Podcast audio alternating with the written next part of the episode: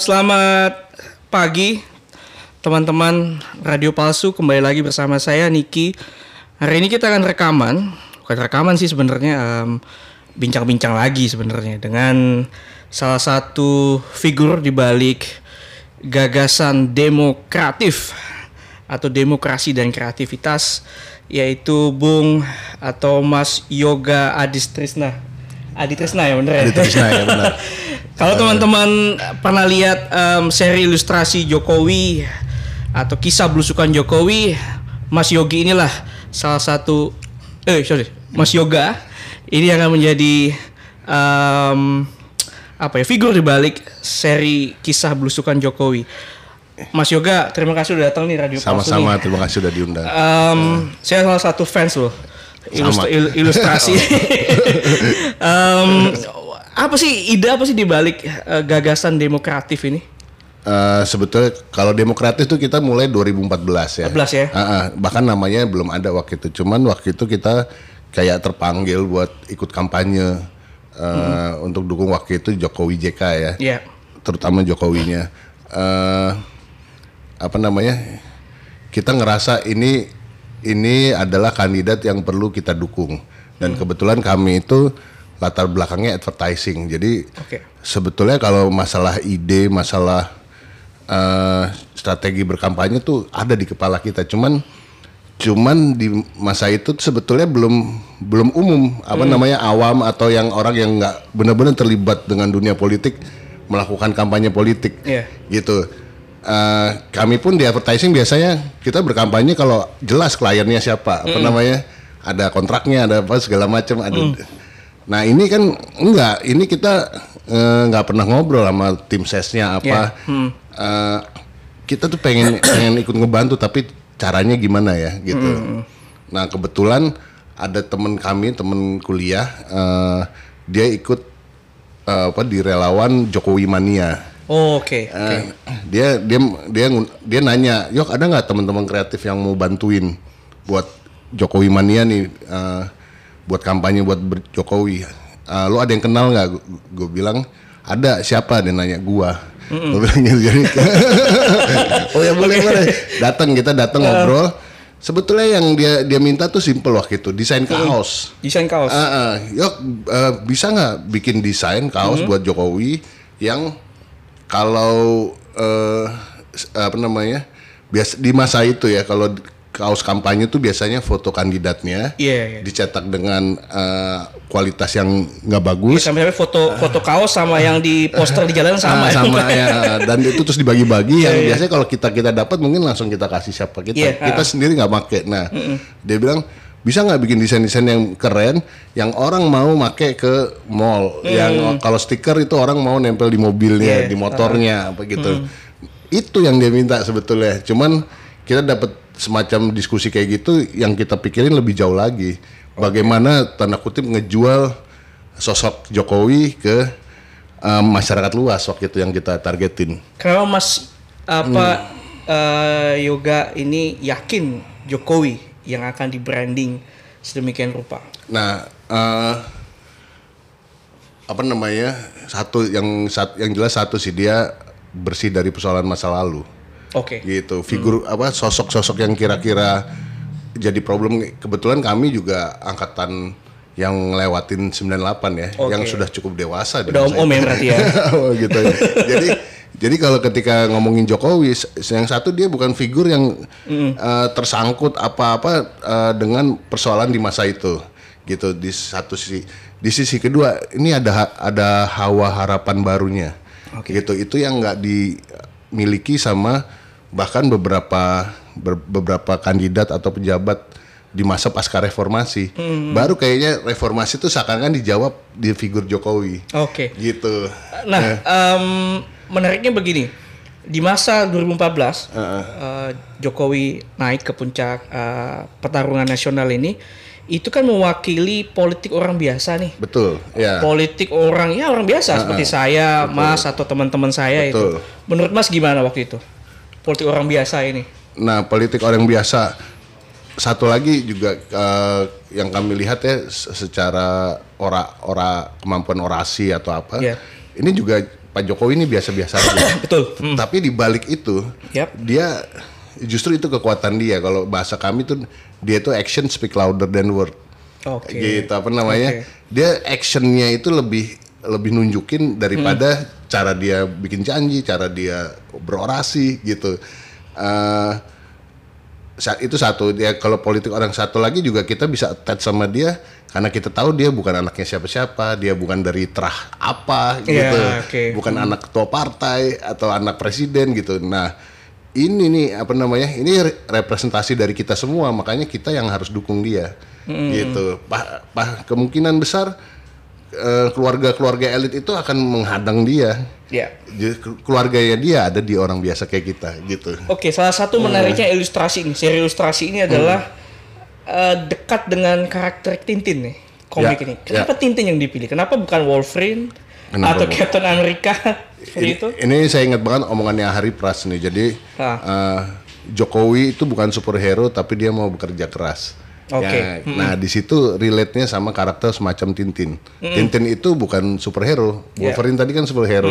Atau kalau eh, komik masa kita ya kalau Jepang tuh berarti kan biasanya robot apa enggak? Ini Jokowi ini orang biasa seperti juga Tintin. Gitu. Nah kita turunin lagi karakter Tintin.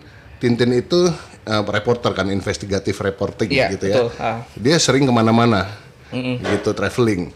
Dia juga punya sahabat-sahabat dari beragam. Betul. Ada Kapten Haddock, ada apa Chang apa gitu orang Iya. Tibet segala macam berbagai warna. Dia juga eh, dia juga jujur, dia juga tidak banyak omong, dia lebih banyak actionnya. Nah, Betul. ini kalau kita tempel ke Jokowi, plek aja. Sama gitu. Bedanya mungkin kalau Tintin traveling, Jokowi itu belusukan. Oh, Ah, oke, gitu. oke, oke, oke. Eh, ke- pro keberagamannya apa tidak banyak bicaranya gitu. Nah, itu itu banyak kesamaan dengan dengan Tintin. Lalu eh, di 2019 ini apakah Hmm. mendekatkan dengan karakter Tintin ini tetap hits? Kalau menurut Eh, Mas gimana? eh, ga- yang yang pasti gaya gambarnya memang gaya gambarnya Hari Pras itu udah jadi kayak ciri, udah jadi kayak ownershipnya Iya. kubu, gitu apa namanya. Tapi kita nggak ngomong spesifik Tintin karena karena di eh, di masa ini dalam 4 tahun sampai hampir lima tahun Jokowi memimpin, dia udah eh, secara secara pengenalan kita terhadapnya itu udah berubah, udah Oke. lebih banyak lagi yang bisa kita omongin. Udah lebih banyak dimensi lagi yang bisa kita bicarakan tentang Jokowi. Nggak Oke. sekedar bahwa dia action speaks louder than word, tapi ada lebih banyak lagi isu, tema, kelebihan, keunggulan yang bisa kita bahas. Jadi kita lebih leluasa kalau sekarang. Salah satunya apa nih? Dua deh. Salah- Kelebihannya itu yang ditangkap setelah hampir lima tahun memimpin ini. Eh, dia sebagai pemimpin menurut saya dia out, out of the box. Out of Eh, the eh, box. Jadi jadi kayak kayak wujud modern dari menang tanpa ngarso rake Hmm. apa namanya eh, ke- kemampuan merangkul dia juga luar biasa. Iya. Jadi kelihatan dia bukan kayak pemimpin segolongan. Kalau Hmm. menurut saya dia ketika memimpin dia berpikir untuk lebih lebih besar daripada sekedar persoalan perang isu hari ini, persoalan orang dislike like atau dislike. Iya. Kadang-kadang yang dia lakukan tuh eh, ki- kita nggak suka kayaknya gitu. Tapi padahal ini ini berpikir lebih gede lagi, lebih panjang lagi. Oke. Gitu. Em, dalam proses kreatif nih, Heeh. Mas, eh, menyusun gagasan demokrasi dan kreativitas ini, Hmm. ini efektif nggak menyampaikan pesan-pesan sosial politik ke kalangan, semua kalangan lah Hmm. di Indonesia ini? Menurut Mas gimana? Eh, efektif nggak dalam hal Iya. apanya nih? Dalam hal ya dari ilustrasi itu orang dapat banyak nggak Eh, pesannya gitu? ten- tentu eh, kita sadar bagian kita, bagian kita tuh di sini eh, apa namanya me- membuat orang menoleh terhadap isunya, Men- membuat orang eh, kayak kita menggaris menggaris bawahi hal-hal yang pentingnya, Ya. gitu. Tapi untuk kedalaman kan ada media yang lain, ada tim yang lain, ada apa itu yang eh, tugas Hmm. Oh, mereka, gitu oke, ya. oke, oke. Jadi kita kita emang nggak eh, nggak nggak merasa hebat bahwa ini kerja kita sendiri nggak kita kita sadar bagian kita tuh ini menimbulkan kesukaan membuat orang menoleh tertarik apa Kekuatan ilustrasinya itu ya. Ah, ah, ah. Baik baik. Nah, em, ada satu hal yang menarik nih 2019 ini Ya. adalah masifnya hoax. betul dibungkus dengan sara, Iya. macam-macam lah. betul. Ada nggak strategi khusus dari Mas dan teman-teman merespon ini? Bah, eh, gini, hoax itu dia menyerang otak kalau apa ya otak kadal apa otak Iya. apa namanya eh, membuat orang dia akan mudah eh, terkena pada orang yang lagi punya masalah hidup atau yang sifatnya kalau bahasa gua uring-uringan. Gitu apa? Ya. Ah, orangnya penuh kekhawatiran apa. Nah kita justru menyerang sisi baliknya.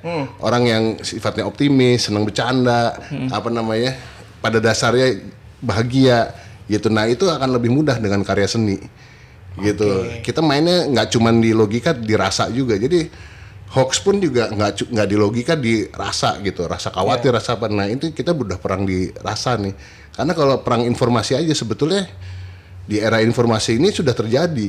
Informasi yang benar sudah ada informasi yang nggak benar juga ada. Pada akhirnya kan orang lo mencari informasi macam apa? Itu yang makanya katanya zaman post truth itu. Rasanya yang di Eh, yang ini ya. kita perangi jadi rasa nih apa namanya? Gitu. Nah, em, satu hal lagi bahwa em, hari ini juga ada gerakan yang golput nih. Sebenarnya sih itu udah lama ya Mas ya. Nah, ini bagaimana kalau menurut Mas dari em, apa namanya demokrasi kreatif ini meyakinkan publik jangan golput? Sudah dilakukankah itu soal itu? tentunya kita melakukan dengan dengan menjual sosok apa kandidat-kandidat 01 bahwa eh, sayang loh apa namanya di saat kita punya kandidat seperti ini justru kita golput gitu justru menurut saya eh, ini dikotominya jelas ini. Ini Iya. bukan kayak pemilu beberapa yang "Ah, ini bedanya apa sih ini? Gitu. Iya, iya. Nggak, ini dikotominya jelas. Ini justru eh, 01 sama 02 lebih dan kurangnya tuh jelas bagikan hitam dia sama putih gitu. Eh, apa namanya?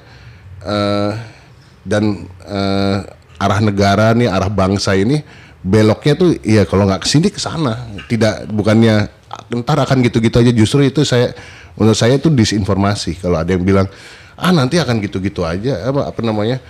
Terus misalnya ada yang bilang ngapain kita ngotot-ngotot membela salah satu kandidat eh, mereka juga nggak kenal. Itu menurut saya justru bias.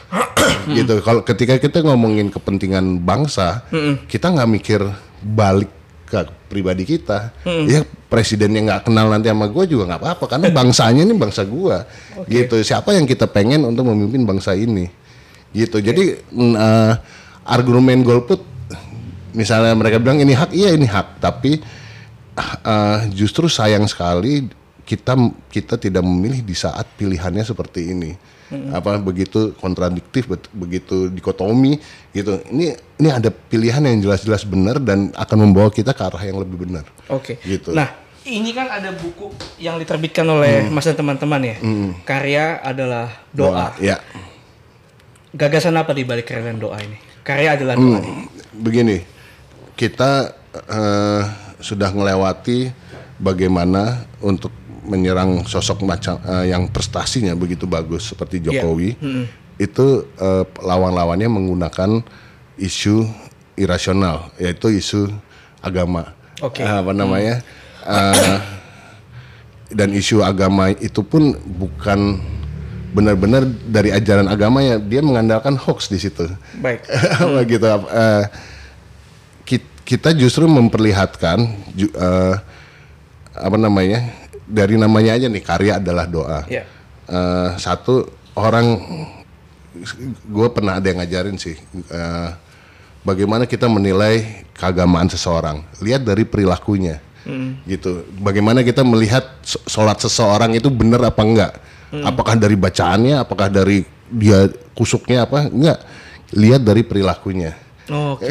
gitu bukan pada saat sholat ya justru Iya, gitu iya. percuma jadi kita ngaku beragama apa perilaku kita seperti apa gitu nah nah ini eh, salah satu kita melihat bagaimana keislaman Pak Jokowi atau bagaimana cara beliau beragama lihat aja dengan kar- dari karyanya dari kerjanya Hmm. oke, oke. gitu karena karya itu udah kayak doa gitu nah kita tarik ke eh, platform kita kan juga mindset kita eh, UC UGC ya user generated content yang Iya. kita berusaha mengajak eh, teman-teman kreatif eh, juga me- apa namanya meng- mengaspira- mengekspresikan aspirasi politiknya gitu. Nah kita juga ing- ingetin ke teman-teman kita bahwa ayo kita berkarya sebagai doa gitu sebagai harapan kita eh, Indonesia di masa depan. Ketika itu maka mereka akan berkarya hal-hal yang positif, bukan yang negatif, yang hoax, yang menyerang gitu. Karena karya lu tuh doa lo loh. Gitu kita juga ngingetin itu karya lu itu doa lo. Ini bisa aja kejadian gitu. Kalau lu berkarya hal-hal yang negatif, yang sifatnya hoax, terbalik ke lu.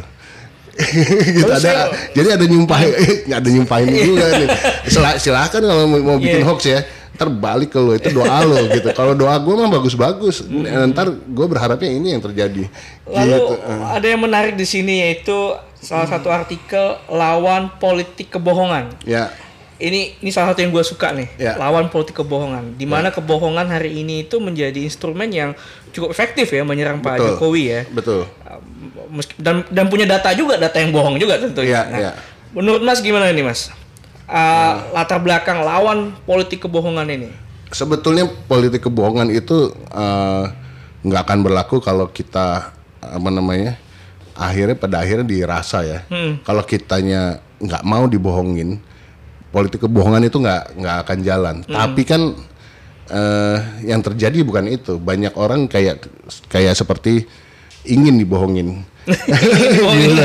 mereka begitu begitu inginnya bahwa banyak apa misalnya isu Jokowi anu itu benar. Jadi mereka mencari apa pembenaran bahwa eh, yang mereka harapkan itu benar gitu. Eh, sampai pembenarannya itu sif- sesuatu data yang nggak valid, yang masih sasus, itu langsung dipercaya, langsung di itu, langsung disebarluaskan lagi. Jadi pada akhirnya lawan politik kebohongan akhirnya di, dirasa juga. Jadi di tataran pertama orang melawan politik kebohongan kita harus sediakan data-data yang valid Betul. gitu. Ya. Data yang valid tuh udah ada kalau menurut saya. Iya. Ya, di tataran kedua kita udah harus main main rasa, main feeling, main eh, so- eh, sorry to say bah- eh, bahasanya Sono main akal sehat tapi sebetulnya akal sehat tuh ada di sini. Itu bayangin akal sehat diklaim apa namanya eh, akal sehat diklaim agama diklaim apa padahal itu semua adanya di sini gitu justru kita nggak teriak-teriak itu menurut saya justru kita yang memakai itu Waktu saya Gitu. pertama kali buka buku ini dan baca eh, ya hampir ya rencana sih baca 10 Hmm. halaman dulu nih Mas ya. ya Toto kok asik ya, Toto udah udah berapa nih udah sampai seratusan ini. Ada energi positif nih dalam buku ini nih. Ya. Yang dihasilkan dari tulisan-tulisan sederhana, Ya. lalu isu-isunya juga sehari-hari yang kita baca di media massa juga kan. betul ya Yang diangkat di buku ini. Nah, kalau menurut saya, apakah eh, buku ini bisa untuk pen- bagi pendidikan pemula nih, Pol- eh, pemuda pemula yang mau nyoblos ini? Bisa nggak? semoga kita- semoga walaupun semoga walaupun ketika kita membuat itu kita nggak spesifik ini untuk eh, pemula Hmm, gitu dan apresiasi juga eh, selama ini yang kami dapatkan nggak hanya pemula Hmm. yang yang apa namanya yang udah makan asam garam apa Iya. juga oh ini bagus nih buku nih ini Hmm. justru kadang-kadang ada hal-hal di situ justru yang ngerti bukan pemula Hmm. Eh, gitu wah ini bagus nih cara nyampeinnya atau cara menggambarkannya Hmm. gitu Eh, ya kita ini buat siapa aja, buat aja siapa aja, Eh, ta- eh, dan kita menawarkan alternatif cara memandang dunia politik yang eh, sekarang ini sangat rumit, sangat chaos. Iya, iya. Informasinya apanya tuh narasi narasinya tuh sangat chaos. Nah kita mencoba bawa narasi yang ini ini alternatif lah ini kreatif nih eh, narasi dari orang biasa kalau tadi karena kita di situ kita juga nggak cuman walaupun disampulin namanya hari dan yoga aja tapi kan itu di dalamnya yang nulis dan yang gambar itu banyak orang kolaborasi banyak orang dan kalau mau tanya saya rata-rata itu orang biasa Politik orang biasa. Nah, ini orang biasa ya apa namanya? Kalau tapi kalau spesifik mungkin anak-anak iklan gitu. Tapi ini orang biasa bukan yang sehari-harinya mereka itu ikut partai atau ikut organisasi ini itu gitu. Ini orang-orang yang dalam sehari-hari bekerja apa namanya ke kantor ngelembur juga. Makanya kemarin tuh pas Jokowi naik kereta tuh eh, kan hari ada gambarnya Jokowi naik kereta terus captionnya ditulis sama salah satu tim kami tuh namanya Ipeh. Pak Jokowi itu seperti kita kita juga, ia ia juga kadang-kadang ke kantor naik kendaraan pribadi, kadang-kadang naik kendaraan umum, kadang-kadang pulang on time, kadang-kadang harus lembur gitu. Jadi, nah itu itu logika orang biasa kan, Iya, iya, logika ya kita semua gitu. Hmm. Mungkin kalau yang bahasa bahasa politiknya Jokowi begitu merakyat apa? Enggak gitu. Eh, apa namanya? Ya eh, apa namanya? Ini cara orang biasa berempati terhadap pemimpin kita yang berasal dari orang biasa juga. Menariknya lagi buku Ah. ini, ini sebenarnya itu bahasa kalau kita lebih dalam lagi Ya. narasi narasi yang menggugat, cuman dikemas dengan bahasa yang ya ya positif, ya Ah. seperti biasa kita ngobrol gitu. Ini men- menarik menurut saya bu, di, Ah. di dalam buku ini. ya itu eh, biar gimana ilmunya orang iklan gitu jadi kalau ilmunya orang iklan ini benar orang iklan tuh Ah. eh, kelebihan produk yang misalnya sebetulnya banyak kita Hmm. harus kemas dalam tiga kata. Nah gitu. Di eh, di zaman sebelum sosmed ini itu semua harus bisa dipahami orang dalam sekelebat dengan ngelihat billboard gitu. Itu harus dipahami orang dalam 30 detik di eh, ngelihat iklan TV gitu kita terbiasa eh, mengambil intisarinya pesan menjadi lebih pendek singkat mudah diterima orang gitu. Dan kalau misalnya kita melihat hari ini, apakah politisi-politisi kita hari ini mas ya, itu sudah memahami ilmu itu? Karena kan ada yang sudah ada yang enggak ada yang oh ini bagus nih jago nih. Ada yang enggak gitu. Ada yang ngomong itu kalau nggak panjang nggak jadi nih. betul iya. Eh, betul. Nah satu lagi di ilmu iklan tuh dia- iklan itu diam-diam etikanya tinggi loh. Kita tidak terbiasa saling menyerang.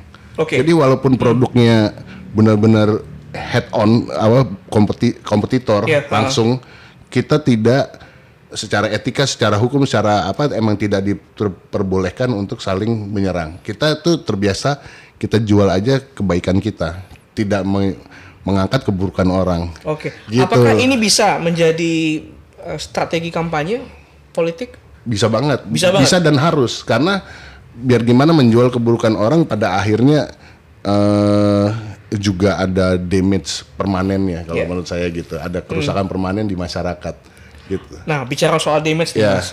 Em, saya masih merasakan nih so- soal feel nih ya. Ya. Damage yang terjadi pasca Pilkada DKI Jakarta 2017 Betul. itu masih dirasakan sampai hari ini nih. Betul, ya. Apakah bisa melalui ilustrasi-ilustrasi ini menyembuhkan damage-nya ini? Eh, tentu saja tidak kami tidak satu-satunya. Bu- Apa ilustrasi itu bukan satu-satunya cara untuk menyembuhkan. Itu harus eh 360 juga, harus apa namanya? multidimensi juga. Oke. Tapi yang ilustrasi ini harus dilakukan. Ya gitu yang yang cara seperti kami itu harus dilakukan untuk eh, dulu bahasa kami bal- balancing konten menyeimbangkan isi dari dunia maya itu. Kalau banyak isu isi negatif secara hukum, secara kemampuan, secara apa kita tidak bisa menghadang itu. Minimal kita menyeimbangkan isinya dengan yang positif. Jadi paling nggak balance atau lebih banyak positifnya. Gitu. Apa sudah dilakukan untuk mem- ya menyembuhkan lah luka publik lah? apa yang sudah dilakukan ya Iya. ini, Ini. ya ini kita nggak nggak berhenti artinya eh, karya adalah doa itu secara account kita udah mulai berapa bulan lalu dari bulan Agustus apa apa saya agak lupa Eh, bahkan pada masa eh, belum deklarasi eh, pilpres apa belum deklarasi siapa capres cawapres itu kita udah mulai kita udah akan siap kita harus membuat sesuatu eh, eh, selama tahun politik ini sampai pemilu dan seterusnya gitu. Cuman pada waktu pemilunya itu jelas kita kita melakukan ini untuk mendukung yang ini. Gitu. Oke. Salah satu konten di sini adalah bagaimana menangkis isu sara. Ya. Menurut Mas sudah sejauh mana nih isu sara yang digunakan untuk kepentingan politik ini udah merusak ya kohesi sosial kita nih Mas. Eh, eh, it- kalau saya lihat itu juga bukan bukan persoalan eh, apa namanya bukan monopoli persoalan Indonesia itu Iya. global terjadi di di beberapa tempat Iya, gitu. Eh, itu udah persoalan zaman sih. Zaman ya. Ah, ah, udah bu- jadi bukan bukan monopoli kita apa namanya kita pun mengalami itu tapi di balik itu justru sa- kit- saya optimis kita optimis Indonesia tuh punya resistensi sendiri kita tuh punya sejarah bineka tunggal ika, ika kita punya sejarah kita berbaur gitu sehingga eh ya kita perlu lawan agar tidak terjadi di seperti di tempat-tempat lain dan kita harusnya bisa. Gitu.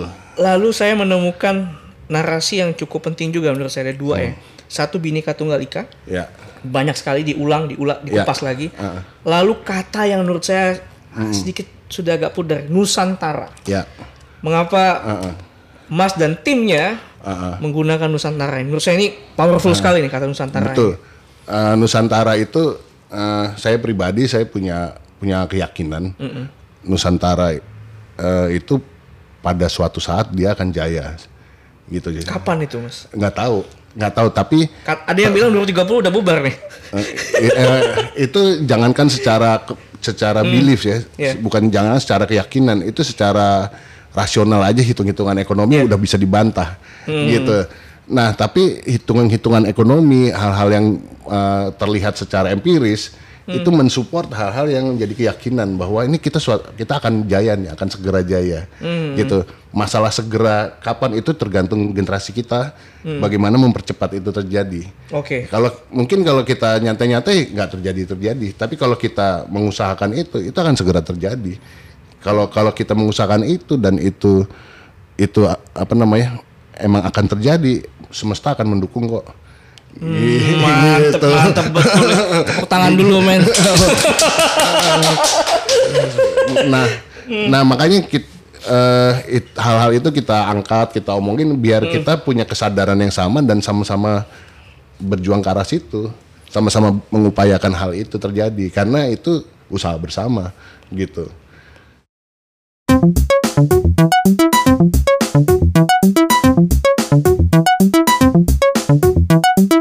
Lalu ada, ada yang menarik di sini lagi adalah mengenai em, bagaimana em, merevitalis- merevitalisasi Pancasila melalui bahasa yang sehari-hari juga ini mas. Ya. Di dalam ini nilai-nilainya nampak sekali ini. Heeh.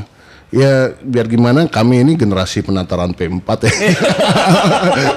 di, mana generasi berikut gak mengalami itu. Iya. Walaupun ya penataran P4 dulu ajang eh brainwashnya Orde Baru gitu Iya. ya. Tapi kan kita pernah diajarkan bahwa Pancasila itu penting. Pancasila itu nggak sembarangan Iya. gitu. Paling nggak eh, kita masih diajarin itu. Nah, untuk mengetahui Pancasila yang lebih sebenarnya lagi yang founding father gitu ya kita eh, perlu usaha sendiri sih memang kayaknya nggak saya nggak tahu sekolah sekolah sekarang diajarkannya apa tapi kita tetap perlu menggali menggali lagi di sejarahnya dulu yang dimasuk founding father dengan Pancasila itu apa sih nomor satu tuh apa kalau kita telah menggali itu kita akan lebih mudah membahasakannya dengan bahasa sekarang dengan tantangan sekarang gitu Ada eh, saya melihat beberapa survei nih mas ya. ya Ada beberapa eh, survei menunjukkan generasi milenials nih.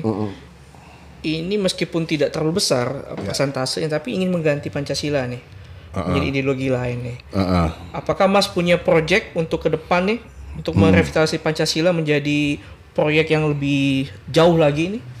Eh, ketika dibahasakannya proyek saya nggak setuju karena ini bukan proyek tapi ini harus kita jaga terus. Ya, apa Misi ah, bersama ini? ah, misi bersama. Bukan proyek ya? Oh, Bagaimanapun caranya Kalau proyek ada dan persenan biasanya. eh, bagaimanapun caranya dan eh, harus disadari kami itu satu bidang aja. Kami itu bidang komunikasi. Oke. Bukan apa namanya? eh, untuk itu kita perlu kolaborasi juga dengan misalnya yang ahli sejarah, dengan ahli apa yang bisa ber- bercerita pada waktu itu ketika founding father kita merumuskan Pancasila itu karena apa?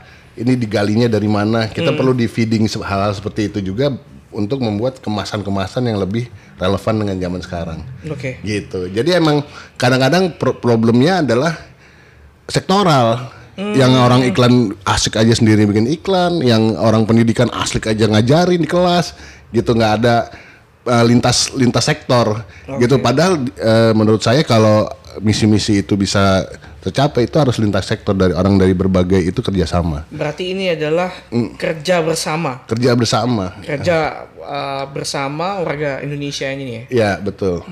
Nah, apa perbedaannya Mas antara kampanye Jokowi nih 2014 dan di 2019 nih apa menurut Mas bedanya ini? 2014 jelas dia eh, belum petahana. Dia dia dari gubernur mau menjadi presiden. Jadi satu satunya lagi eh, masa kampanye yang lebih singkat. Gitu. Eh, jadi eh, pada waktu itu kita eh, materi yang kami buat itu bicara satu hal. Gitu. Kalau kalau pernah lihat kan seri kisah seri belusukan Jokowi. Iya, ha. Gitu. Jadi belusukan itu kita tarik sebagai tanda ikonik eh, untuk membicarakan bahwa dia itu eh, action speak louder than word Oke. dia itu Belusukan lebih ya. ha, dia dia lebih lebih banyak bekerja daripada bicara Baik. kerjanya tuh dia dia mau turun ke bawah dia mau langsung di garis depan ikut sibuk gitu nah eh, eh, kami waktu itu sedikit berpikir berbeda dengan kampanye resmi timnya Jokowi Hmm. timnya Jokowi kan Jokowi adalah kita Ya. Eh, gitu. Yang artinya yang dijual tuh merakyatnya Hmm. merakyatnya. Nah kami berpikir merakyat doang ini kurang. Kita tuh baru melewati nggak usah deh. Kita apa? Eh, gini loh kita waktu itu ngebahas betapa kasihannya Indonesia. Eh, kita butuh bahkan seorang pemimpin atau aparat negara atau apa yang menjalankan job desk-nya nggak usah nggak usah banyak-banyak deh nggak usah ribet-ribet deh yang kita jual itu Jokowi kalau jadi presiden dia akan menjalankan job desk presiden. Itu yang langka sebetulnya itu yang Jokowi kalau jadi presiden akan melaksanakan job, desk presiden itu yang kita jual Emang sebetulnya 10 tahun sebelumnya gimana itu? Wah nyentil bahaya nih. itu yang menurut kami insight kami yang kami baca tuh masyarakat tuh craving itu Oke, craving. Hmm. orang yang menjalankan job desk sebagai presiden gitu nah ini Jokowi nih dia itu akan menjalankan job desk sebagai presiden eh, karena dia ac- action speak louder than word dia dia dia tuh siap kerja Oke, itu yang kita jual Eh, satu lagi yang kita kasih lihat tuh harapan kan Hmm. waktu itu Jokowi masih gubernur Jakarta ya Betul. kalau masyarakat Jakarta nih banyak ngeliat Jokowi belusukan, ya di Jakarta aja. Hmm. Dia ke sini, dia ke sini di Jakarta aja. Nah yang kita jual nih Jokowi kalau jadi presiden dia akan belusukan ke seluruh Indonesia.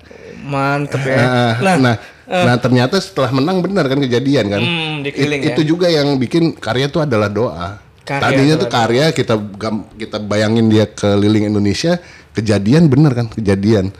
Gitu itu yang mendasari kam- kampanye kita eh, sekarang. soal presiden yang akan melaksanakan tugasnya sebagai seorang presiden. Itu saya waktu masih kuliah nih Mas, tahun 2004 itu ya. Itu 10 tahun lah. Itu kan ada istilah yang negara autopilot tuh. Ya. Negara gerak sendiri. Ah, ya. Ah. Apakah itu Jokowi secara tidak langsung menjawab narasi itu? Secara tidak langsung menjawab betul dan dan eh, nggak cuman menjawab itu setelah dia itu terobosannya banyak. Hal-hal yang kayaknya tadinya kayaknya nggak mungkin mungkin ternyata. Jadi selama ini tuh nggak terjadi kenapa ya? Emang nggak nggak sungguh-sungguh gitu. Kalau kita bahas nih kayaknya emang orang tuh nawa itunya juga emang bukan itu. Untuk meraih jabatan ke atas tuh niatnya emang bukan itu. Jadi ketika Jokowi di, ditunjukkan bahwa kalau mau itu bisa. Gitu. Nah ini- nah jadi yang kita lihat tuh tembus. Jadi udah bukan jalan tolnya aja misalnya tapi niatnya tuh emang sungguh-sungguh. Gitu loh. Tantangan di 2019 apa nih Ya. bedanya? Jadi kan 2014 nih. Betul. Sebagai pertahanan. sebagai petahana eh, ini tantangannya melawan seperti komentator bola. Susahnya pemain bola itu kan akan kayak nggak ada menangnya lawan komentator bola Wis. gitu apa namanya ya dengan mudah akan Ada yang dilihat menang. wah harusnya lari lebih cepat lagi wah harusnya pindah apa ke sayap kiri itu Hmm. apa gitu enak komentar dari pinggir lapangan Tapi ada yang jarang menang loh mas. apa Arsenal jarang menang loh. Ah, ah, terus Ya apakah Jokowi ini kayak Arsenal gitu? Mainnya buat cantik tapi golnya jarang golnya gitu. Mm, mm, saya nggak bisa langsung jawab saya saya nggak ngerti-ngerti bola banget gitu tapi apa namanya tapi eh, di di sisi lain di di kalau yang saya lihat golnya justru banyak Golnya ini penca- ya? pencapaiannya jelas ini apa namanya ini jelas itu jelas tapi yang di, ini, gini nih ini, ini analoginya Budiman Sujambi kalau saya lihat Wis. mereka itu biasanya gini, kalau eh, kalau Pak Jokowi sepatunya kotor, dia akan zoom ke sepatunya yang kotor. Dia akan zoom ke sepatu yang kotor, dia akan mereka tidak akan membicarakan bahwa sepatu kotor ini karena Pak Jokowi baru saja kerja. Gitu loh. Tapi dia mereka akan sibuk di kotornya sepatu itu yang sebetulnya nggak penting. Gitu, yang sebetulnya yaitu framing, yaitu Framing ya? ah, yaitu politik, yaitu apa cara mereka melihat ini kerjanya ngaco nih kerjanya enggak lo gampang ngomong doang. Kalau buat saya ya ngomong doang mah gampang gitu. Nah dan yang lo lihat tuh yang salah-salahnya aja lo nggak pernah mau berbicara yang benernya gitu karena lo sifatnya lawan politik lo nggak pernah mau bicara yang benernya lo nggak pernah bisa ng- ngomongin big picture yang lebih jelas Itu tantangan di 2019 ini ya. betul Nah, eh, kembali kita ke politik orang biasa. ya. Hmm. Ini kan kalau di masa lalu bahwa yang bisa menjadi ya yang megang politik lah itu Hmm. kalau nggak elit partai politik betul eh, atau elit eh, dia itu anaknya siapa yang kebetulan adalah elit politik sebelumnya. betul Lalu elit politik satu lagi adalah militer. betul Nah, lalu yang ketiga adalah elit politik yang nggak kalah penting juga aktivis. ya Nah, di tahun 2014 ini kan hampir seluruh orang yang latar belakang aktivis Hmm, bukan ngomongin politik nih. Apakah ini akan tren akan terus berlanjut nih? saya Tidak hanya 2019 loh, ke 2024 juga. saya karena dulu kuliahnya komunikasi juga eh, menurut saya juga ini karena perkembangan teknologi komunikasi. Iya. jadi rezim komunikasinya udah berubah nih. Kalau zaman dulu untuk masuk media massa tanda kutip ada rezimnya sendiri. Pemretnya media massa itu siapa pemodalnya media massa itu. sekarang tiba-tiba media kita kita semua orang biasa tadi kalau istilah orang biasa bisa punya media. Oke. Kayak seperti yang kampanye kami itu kan kami cuma upload di akun pribadi kami waktu itu, viral ke Oh, dunia gitu. Jadi ini semua juga dimungkinkan karena media juga dimiliki oleh orang biasa, gitu. It- eh, itu juga tercipta hoax juga karena orang biasa yang nggak ngerti apa-apa main forward atau bahkan ngarang sendiri apa gitu. Eh, ya pada akhirnya politik tidak juga tidak jadi monopoli orang-orang yang tadi. Baik, baik. Ba- bagaimana orang biasa ini juga makin penting sekarang cara berpikir orang biasa cara memandangi orang biasa juga Jadi, makin penting Sosial media atau media komunikasi yang hari ini ini mendemokratisasi eh, kondisi politik sehingga Ya. orang biasa pun bisa berpolitik betul. hari ini. iya. Sekarang mungkin daripada seorang aktivis bisa jadi lebih penting seorang selebgram yang punya follower banyak. Gitu. Apa namanya? Apa itu mungkin eh, apa kalau kita mau bermain politik mungkin lebih baik baik-baik terhadap selebgram daripada aktivis yang banyak mau ya gitu banyak mau. Iya iya. Nah kalau misalkan kita lihat lagi nih mas di tahun 2024 nih, ini kan sekarang kan tinggal berapa hari lagi kita akan pemilu nih ya. ya Di 2024 ini kan bisa jadi pasar bebas nih. betul Hampir semua orang bisa akan naik jadi calon Ya. presiden nih.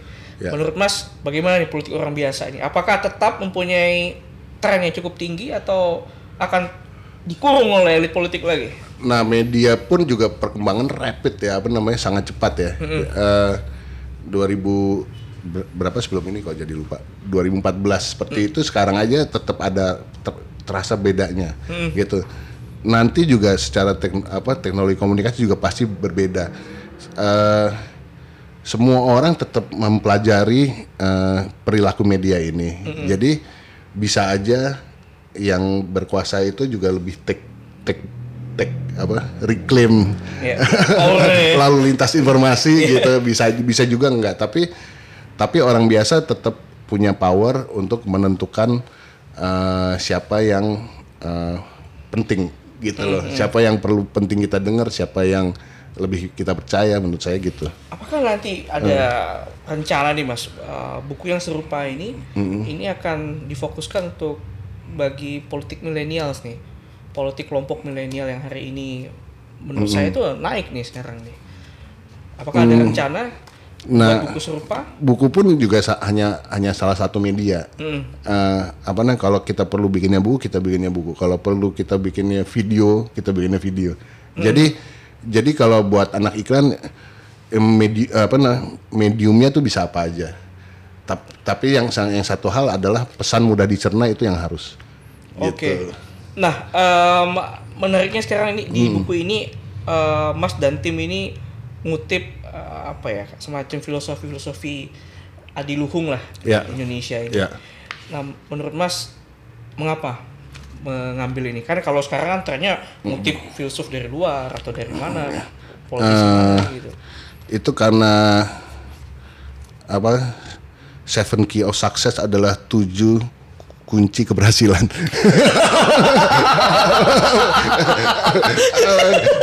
Nah, jadi kalau kita ingat meme itu ya, Iya. itu bagaimana pepatah-pepatah motivasional Iya. itu mulai terasa kosong, nggak ada isinya itu karena ke- di- Kenapa? terlalu dijual murah, gitu tanpa ada isinya, Hmm. Gitu, tanpa ada isinya, tanpa ada tindakan ngelakoninya, Hmm. dan mungkin bahkan yang ngomong itu belum tentu percaya sama kali- kalimat itu, belum tentu belief sama itu. Nah, kita ngegali just dari dari yang lokal-lokal yang Ya. yang memang sebetulnya kita udah percaya itu, kita sudah menjalani itu, menghidupi itu, itu itu ada di entah di bagian mana dari pikiran kita, dari tubuh kita, dari jiwa kita. Itu yang kita nyalain gitu. Itu yang kita bangkitin agar berbunyi lagi, agar ya kita jalani lagi. Karena itu ter- diredam, dir- di- tereduksi oleh eh, sampah kalau menurut saya gitu Oke. itu yang kita coba gali lagi ini itu ada kok sebu- sebutu- sebetulnya di kita semua jadi harusnya lebih mudah munculnya Lalu di sini Lebih- kan lebih Mas mudah nyalanya. ada apa ya? Mungkin filosofinya dari Sunan Kalijaga ya. ya Sura Dira Jaya Ningrat Lebur Dending Pangastuti. Pangastuti ya Nah ini kan saya juga bacanya juga langsung ternyuh nih. Ah. Kira-kira apa ya mas? Kenapa itu yang dimunculkan? Dan Spesifik- sekian banyak gitu. kalau itu spesifik jawabannya mudah Uh, akun resminya Pak Jokowi pernah menulis itu Oh ya? Ah, dan di- itu di saat uh, kondisi benar-benar panas Kapan tuh te- tepatnya tuh? Uh, pilkada Pilkada. Oh, Ah, 17. Oh, Ti- tepatnya tanggal berapa saya lupa tapi di masa itu di masa panas-panasnya seperti itu tiba-tiba kawannya Jokowi menuliskan itu. Oh itu kayak kayak apa ya? Kayak buat saya pribadi sih kayak api disiram air. Ada ada pendingin zzz, gitu hawanya gitu secara Oh, jadi gitu. ini pernah diposting ya? Pernah diposting. Oleh Pak Presiden sendiri. Ah, account account resmi Pak Jokowi gitu. Ma- mantap, terima kasih. Oke oke, ini ada ada sponsor minum dulu nih. ya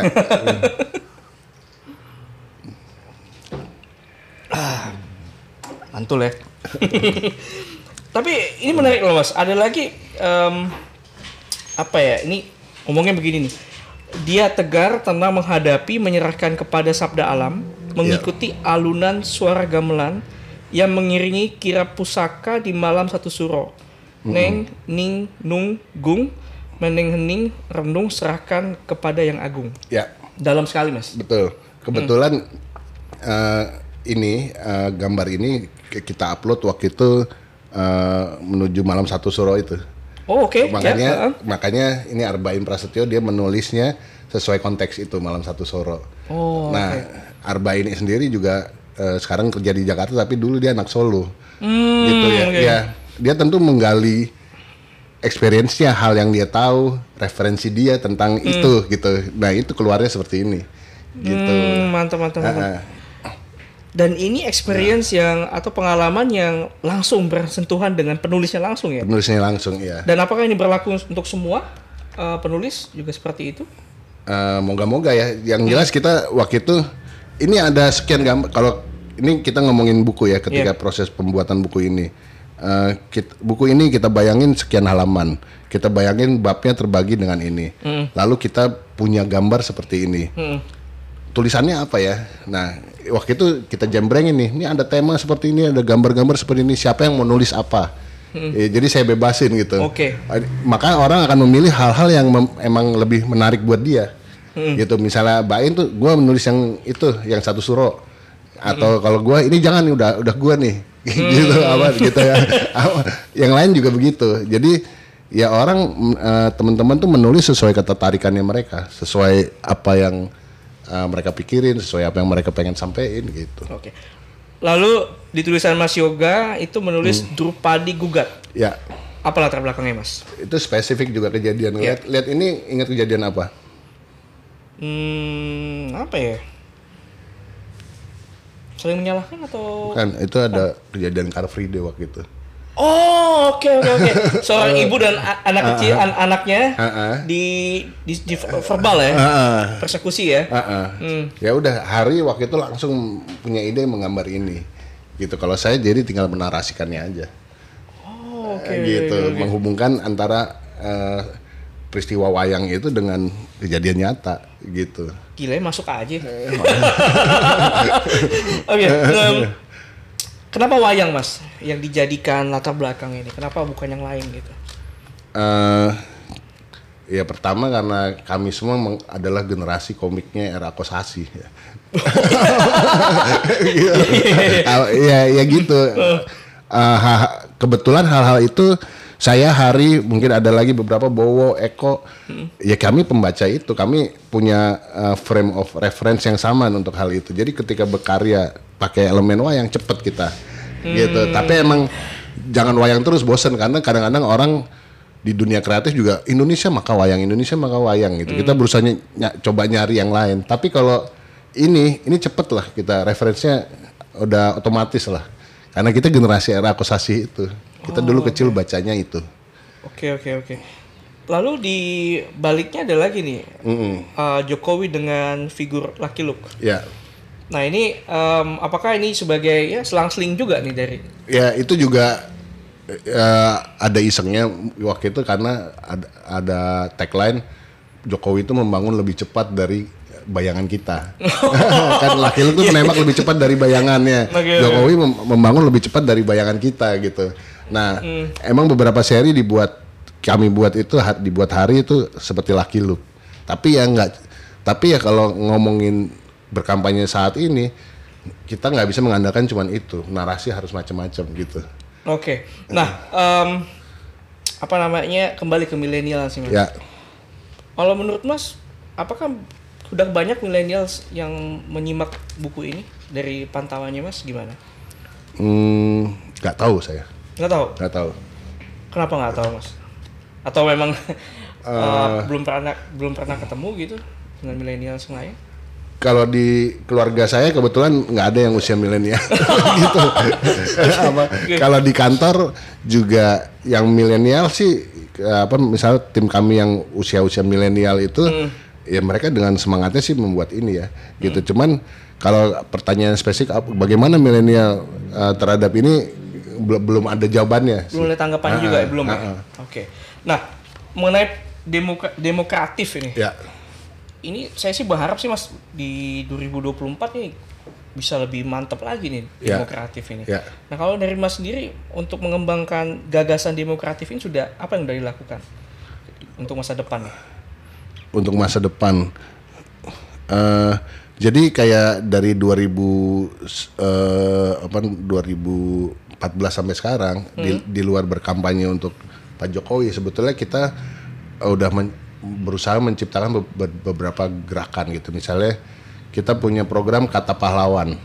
Kata pahlawan tuh idenya juga seperti itu. Sem- eh, kata-kata pahlawan itu kan ada tercatat misalnya di buku ketika mereka menulis ada juga ke- kalau kayak buku era kartini itu di surat-surat dia ada juga di piagam ada juga di pidato gitu nah itu tuh berusaha kita bumikan dengan bahasa masa kini dengan media-media masa kini gitu nah itu itu yang itu salah satu program yang kita usahakan dan menurut saya belum belum belum mentok gitu masih bisa banyak peluang untuk kita kembangin Wah, gitu. berarti itu contohnya aja ya. Nah, itu selain itu tuh banyak. yang mantap lagi nih ke Eh, depannya. Hmm. Itu satu ide dan masih ada ide-ide lain. Misalnya kita punya ide karakter namanya Pasoa, pa, para para Ardia Satwa. Apa namanya? Kalau di itu tuh di bahasa Indonesiain tuh eh, makhluk yang paling priceless gitu. Nah, kita kebayang makhluknya itu mix up apa mess, mess up itu antara berbagai eh, binatang-binatang yang ada di Indonesia gitu dan makhluk ini dia akan hanya muncul buat orang yang merusak alam gitu nah kan kadang-kadang cuma ide begitu. Munculnya bisa jadi apa aja. Nah kebetulan Paswa ini udah jadi animasi yang buat anak-anak SMA di SMK di Kudus. Yang em- mereka yang SMK animasi. Jadi ceritanya dari kami mereka yang mengeksekusi gitu. Nah tapi ini Paswa ini bisa aja nanti jadi komik jadi apa. Jadi kita punya beberapa ide yang ini siap akan berjalan nih. Pasowa ya. Pasowa ini berarti be- berelasi dengan Alam- isu alam. lingkungan hidup Iya, ya. betul. Nah, ke depan ini menurut Mas apakah Hmm. ini bisa untuk mengkampanyekan eh, preserve lingkungan hidup ini? harus eh, harus bisa harus diusahakan jadi pakai sa- salah kami tuh emang sebetulnya diam-diam mungkin jalurnya jalur pendongeng ya. Eh, jalur jalur kreatif ya kreatif tuh apa kan dongeng kayak dongeng itu kan salah satu mengemas pesan-pesan sehingga mudah diterima oleh generasi berikut atau orang pada masa itu. Nah, mungkin benang merahnya kami itu di jalur itu. Pesan-pesan yang itu nggak perlu dihadirkan ya harus dihadirkan dengan cara menarik Nah, gitu. menariknya sekarang ini kan salah satu saya nyebutnya itu ancaman tantangan ya. Ya. Tantangan aja lebih positif ya. Ya. tantangan untuk Indonesia ke depannya dalam masalah lingkungan hidup nih, Mas. Betul.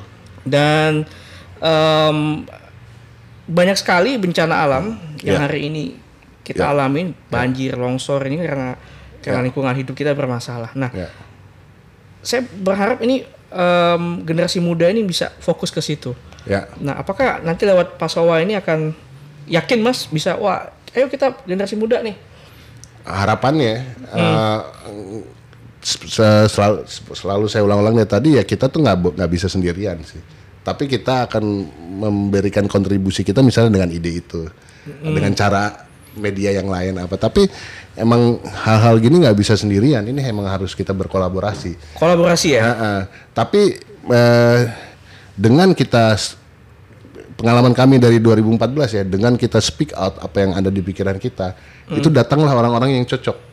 Eh, dengan yang nyambung gitu. Makanya tadi eh, mungkin kenapa taruh Nusantara? Ya kita speak out aja bahwa gua percaya Nusantara akan jaya pada masanya. Dan banyak juga teman-teman yang fokus ke masalah itu juga. Nanti akan datang tuh yang percaya-percaya juga akan kita ngobrol, kita cari cara berkolaborasi untuk mewujudkan itu. Lalu gitu. di sini ada juga uh, apa ya artikel yang saya li- lihat kemarin itu Nusantara Jaya, doa Nusantara Jaya ya. Apa Coba ya? aja lihat. Mana aduh hilang. Jadi em, ada satu artikel yang dikupas di sini mengenai bagaimana men- apa mendorong untuk kejayaan Nusantara kita Iya. ini. Uh. Nah, permasalahannya kan banyak sekali nih Mas, lingkungan hidup, lalu Ya. korupsi. Ya. Lalu ada politik identitas nih. Betul. Nah, ini dari antara tiga yang saya katakan ini mana yang kira-kira em, hari ini nih harus di harus di kita respon nih? Politik identitas kah, lingkungan hidup atau eh, korupsi? nggak nggak bisa mana yang harus kita respon gitu. Tapi kalau nanya saya mungkin saya lebih eh, kalau karena bidangnya komunikasi lebih ada di politik identitas. Oke. Gitu. Mungkin yang eh, bidangnya apa sekolahnya kehutanan apa mungkin dia akan di lingkungan hidup gitu. Kenapa politik identitas? Karena itu eh, sangat tersangkut dengan cara kita berkomunikasi. Politik identitas itu meningkat itu di dikomporinnya melalui medi- media komunikasi. Gitu. Kalau media komunikasinya tidak ngekomporin itu, itu tidak akan mudah terangkat. Kalau menurut Gitu. Mas ini sendiri politik identitas itu sah nggak sih atau tidak sah di, digunakan di, di Indonesia dalam kontestasi politik ini? Eh, dalam hal ini saya masih kayak generasi eh, Orba ya. Eh, apa namanya? Tapi bukan orbais kan, bukan kan? apa namanya? saya sepakat di eh, jangan apa namanya? Jangan menyinggung Sarah. Oke. Gitu apa namanya? Karena itu ketika udah nyala udah apa persoalannya nggak mudah diselesaikan. Gitu saya sepakat di situnya. Sepakat di situnya. Ah. Ta- Tapi hari ini kayaknya su- sudah menjadi satu kelaziman ketika orang menggunakan politik identitas dalam kampanyenya. Em, apakah itu bisa menurut Mas di kita tanggulangi gitu? harus bisa harus bisa dan saya optimis karena eh, karena kita memang punya sejarah eh, apa deal dengan itu bangsa Indonesia itu punya sejarah eh, bagi bangsa lain kita ini ajaib loh sekian ribu suku sekian itu bahasa tapi bisa bersatu buat buat saya menurut saya bagi orang lain kita memang punya punya keunggulan dalam mengatasi itu nah, tapi walaupun ada orang-orang yang juga selalu berusaha agar itu tidak terjadi gitu. Tapi tapi saya sih optimis ya. Kita kita hidup terbiasa seperti terbiasa rukun. Terbiasa Gitu. rukun. Nah, Dan mungkin terbiasa em, menjadi biasa apa ya identitas yang beda biasa aja karena kita dia, beragam ya kan? terbiasa rukun, terbiasa berbeda, terbiasa apa. Itu kita itu udah udah ada di DNA kita kalau menurut saya gitu. Oke. Ya, jadi jadi saya optimis itu bisa diatasin. Bisa diatasi ya. Masalahnya sekarang ada em, beberapa politisi yang terus mengeksplor ah. secara negatif. Kadang-kadang saya curiga emang dia tuh nggak ada jualan lain gitu. Nah, ini, nah, ini kan ini kan logika anak iklan ya. Iya. Lu apa iklan itu kan akan menjual hal yang paling bisa dijual, yang paling resonate. Kalau dia menjual hal-hal negatif, dia hanya menjual politik identitas, dia nggak ada jualan lain kalau menurut saya. Nah Dan ini saya jelas gitu. Saya saya believe ini gitu. Udah nggak laku jualannya itu itu Ah, aja. ya ada lagi yang bisa dijual. Apa? Hmm. gitu. ya itu ya akhirnya yang jadi jual. Pilih gua karena gua sama lo sama-sama anu. Emang lo kenapa? Lo nggak bisa ngomong gue harus pilih lo karena lo kerjanya bagus. Hmm. atau karena lo pinter atau lo enggak. Cuman karena gua sama-sama anu ya. Nggak ada jualan lain kan berarti. Kalau anu ketemu anu jadi anu anu gitu. ya ya ini apa eh, menjadi permasalahan hari ini mas ketika kalau kalau misalnya kita, kita lihat nih eh, studi ketatanegaraan nih kan kita punya hak yang sama nih di- diatur oleh konstitusi dijamin Ya. malah konstitusi Ya. tapi gara-gara anunya tadi Ha-ha. jadi nggak setara lagi kita nih orang orang milih karena anunya bukan karena kapabilitasnya Ya, tapi juga harap harap disadarin juga nggak semua dari orang Indonesia akan begitu. Ya dia punya akan punya suara atau punya apa, tapi juga banyak yang nggak percaya sama itu. Tenang aja. gitu. tenang aja ya Optimis aja Optimis gitu. ya. Ah, ya nggak nggak akan banyak yang mudah dibohongi dengan hal-hal seperti itu. Mhm. Gitu. Tetap ada uh, alternatif kok. Tetap ada apa namanya uh, tesis antitesis gitu. Mantap. Nah, em, ini dua pertanyaan terakhir nih mas.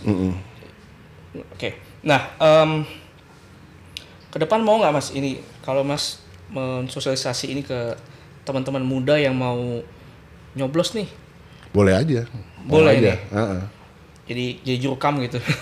Kalau kalau dari jurkam kita udah ada istilahnya ya kita ini jurkam dadakan. Iya. jurkam dadakan semangat relawan. Gitu. itu udah omongan kita dari 2014. Anak iklan bisa ba- Bayangin 2004 2014 ya, kita bikin materi kampanye kisah belusukan Jokowi itu. Eh, itu tiba-tiba viral. Oke. Tiba-tiba kita diundang media massa untuk diinterview. Pernah nonton film Wake the Dog nggak? Gitu itu yang main Dustin Hoffman gitu. Kalau di situ tuh ada sesuatu yang potensial. Wake- Dustin Hoffman tuh jadi campaign manager di Oke. film itu. Kalau ada sesuatu yang potensial dia akan datang tuh ke hal yang potensial itu dia akan brief. Kamu nanti ngomongnya gini ya apa ya gitu ya. Nah saya tuh kebayang di 2014 tuh kalau saya akan diwawancara nanti ada tim ses ngebrief saya gitu. Kamu jangan ngomong ini kamu ngomong ini. Ta- ternyata nggak ada. Gitu loh. Jadi saya akan ngomong hal yang ya udah seada-adanya gua gitu. Itu kan waktu itu bebannya berasa banget. Takut sekali hal yang kita ngomong salah merugikan pasangan yang kita dukung. Iya, iya, iya, Gitu. Tapi ya ya udah nggak ada nggak ada yang ngebrief nggak ada apa yang ngomong seada-adanya aja gitu. Sejujur-jujurnya aja. Tapi ya jadinya ya jujur apa adanya gitu. Tapi bisa mas ya ini. Kalau misalkan suatu saat nanti saya undang mas, mas tolong mas ini ada teman-teman muda nih. Ya. Baru pertama kali menggunakan hak pilihnya nih, betul ya. Tapi masih nggak ngerti politik nasional. ya. Nah, mas yang jadi boleh aja nggak apa-apa. Nggak apa-apa. Dan apalagi kita kampanye kita tuh sebetulnya dua hal. Satu tentu aja pa- kampanye mendukung Jokowi Maruf Amin. Di lapis keduanya kita berkampanye agar berkampanye lah ya dengan kreatif dengan positif dengan kreatif Mantap. bukan hoax bukan apa gitu lah Nih, kalau misalkan saya kasih tiga kata nih untuk menggambarkan eh, masa depan Nusantara nih, kalau Mas rangkai tiga kata nih apa Mas? tiga kata Harapan. masa depan Nusantara Jaya gemilang eh, sejahtera sama Memang orang iklan bisa. Oke, udah. Kenapa? Foto. Oh promo. Ya ini buat teman-teman eh, muda nih. Saya merekomendasikan buku karya adalah doa untuk Nusantara.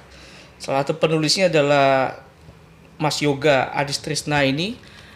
Uh, saya harap bahwa buku ini bisa memberikan inspirasi bagi teman-teman muda yang terutama yang baru pertama kali akan menggunakan hak pilihnya. Lalu teman-teman masih galau yang belum menentukan pilihannya. Lalu teman-teman yang berencana nggak mau milih karena segala satu hal, golput ujungnya. Saya merekomendasikan buku ini, silakan baca atau didapatkan toko buku terdekat kali Mas. Ini Ya ada di ada toko semua buku. kan? Ah, Di toko buku ada, terus di eh, JDID juga ada. Jadi bi- kalau kita pesan di JDID itu satu paket datangnya, nggak cuma buku. Ada pinnya, ada apa namanya, ada eh, tote bag. Oh, oke. Gitu, apa namanya, ada tanda tangan gua dan Wah, hari. ini si Sigit salah beli. Ini di mana nih? Kalau kalau di toko buku ya bukunya aja. Tapi kalau Oke. mau paket tuh ada di JDID, ada juga di tokumi.id, Oke. tokumi.id. Oke. Oke. Ada lagi Sorry. Mas sampaikan? Kalau gue mau nambahin juga, kita punya www.karyaadalah.doa.id. Di sana tuh ada high res, high res dari karya yang kita bikin selama masa pemilu ini itu bisa di download untuk berkampanye. Kalau mau dicetak jadi kaos, mau dicetak jadi kalender apa itu bisa di download buat berkampanye, buat eh, selama kampanye buat pasangan 01 monggo-monggo aja silahkan. Oke, ini kayaknya Gitu. harus gua refresh temen gua nih lagi nyari bahan kampanye. Iya, iya. Oke, terima kasih Mas apa? Mas Yoga Ya, atas waktunya. makasih juga udah diundang ke sini. Iya, em, ini menarik banget buku ini. Tapi boleh minta tanda tangannya masih dikit ya? Boleh. Oke, eh, sampai ket- ketemu lagi di podcast di eh, selanjutnya di Radio Palsu dengan sesi selanjutnya juga yang lebih menarik lagi. Em, udah itu aja mungkin ya. Sampai ketemu lagi ya. Tepuk tangan lu dong.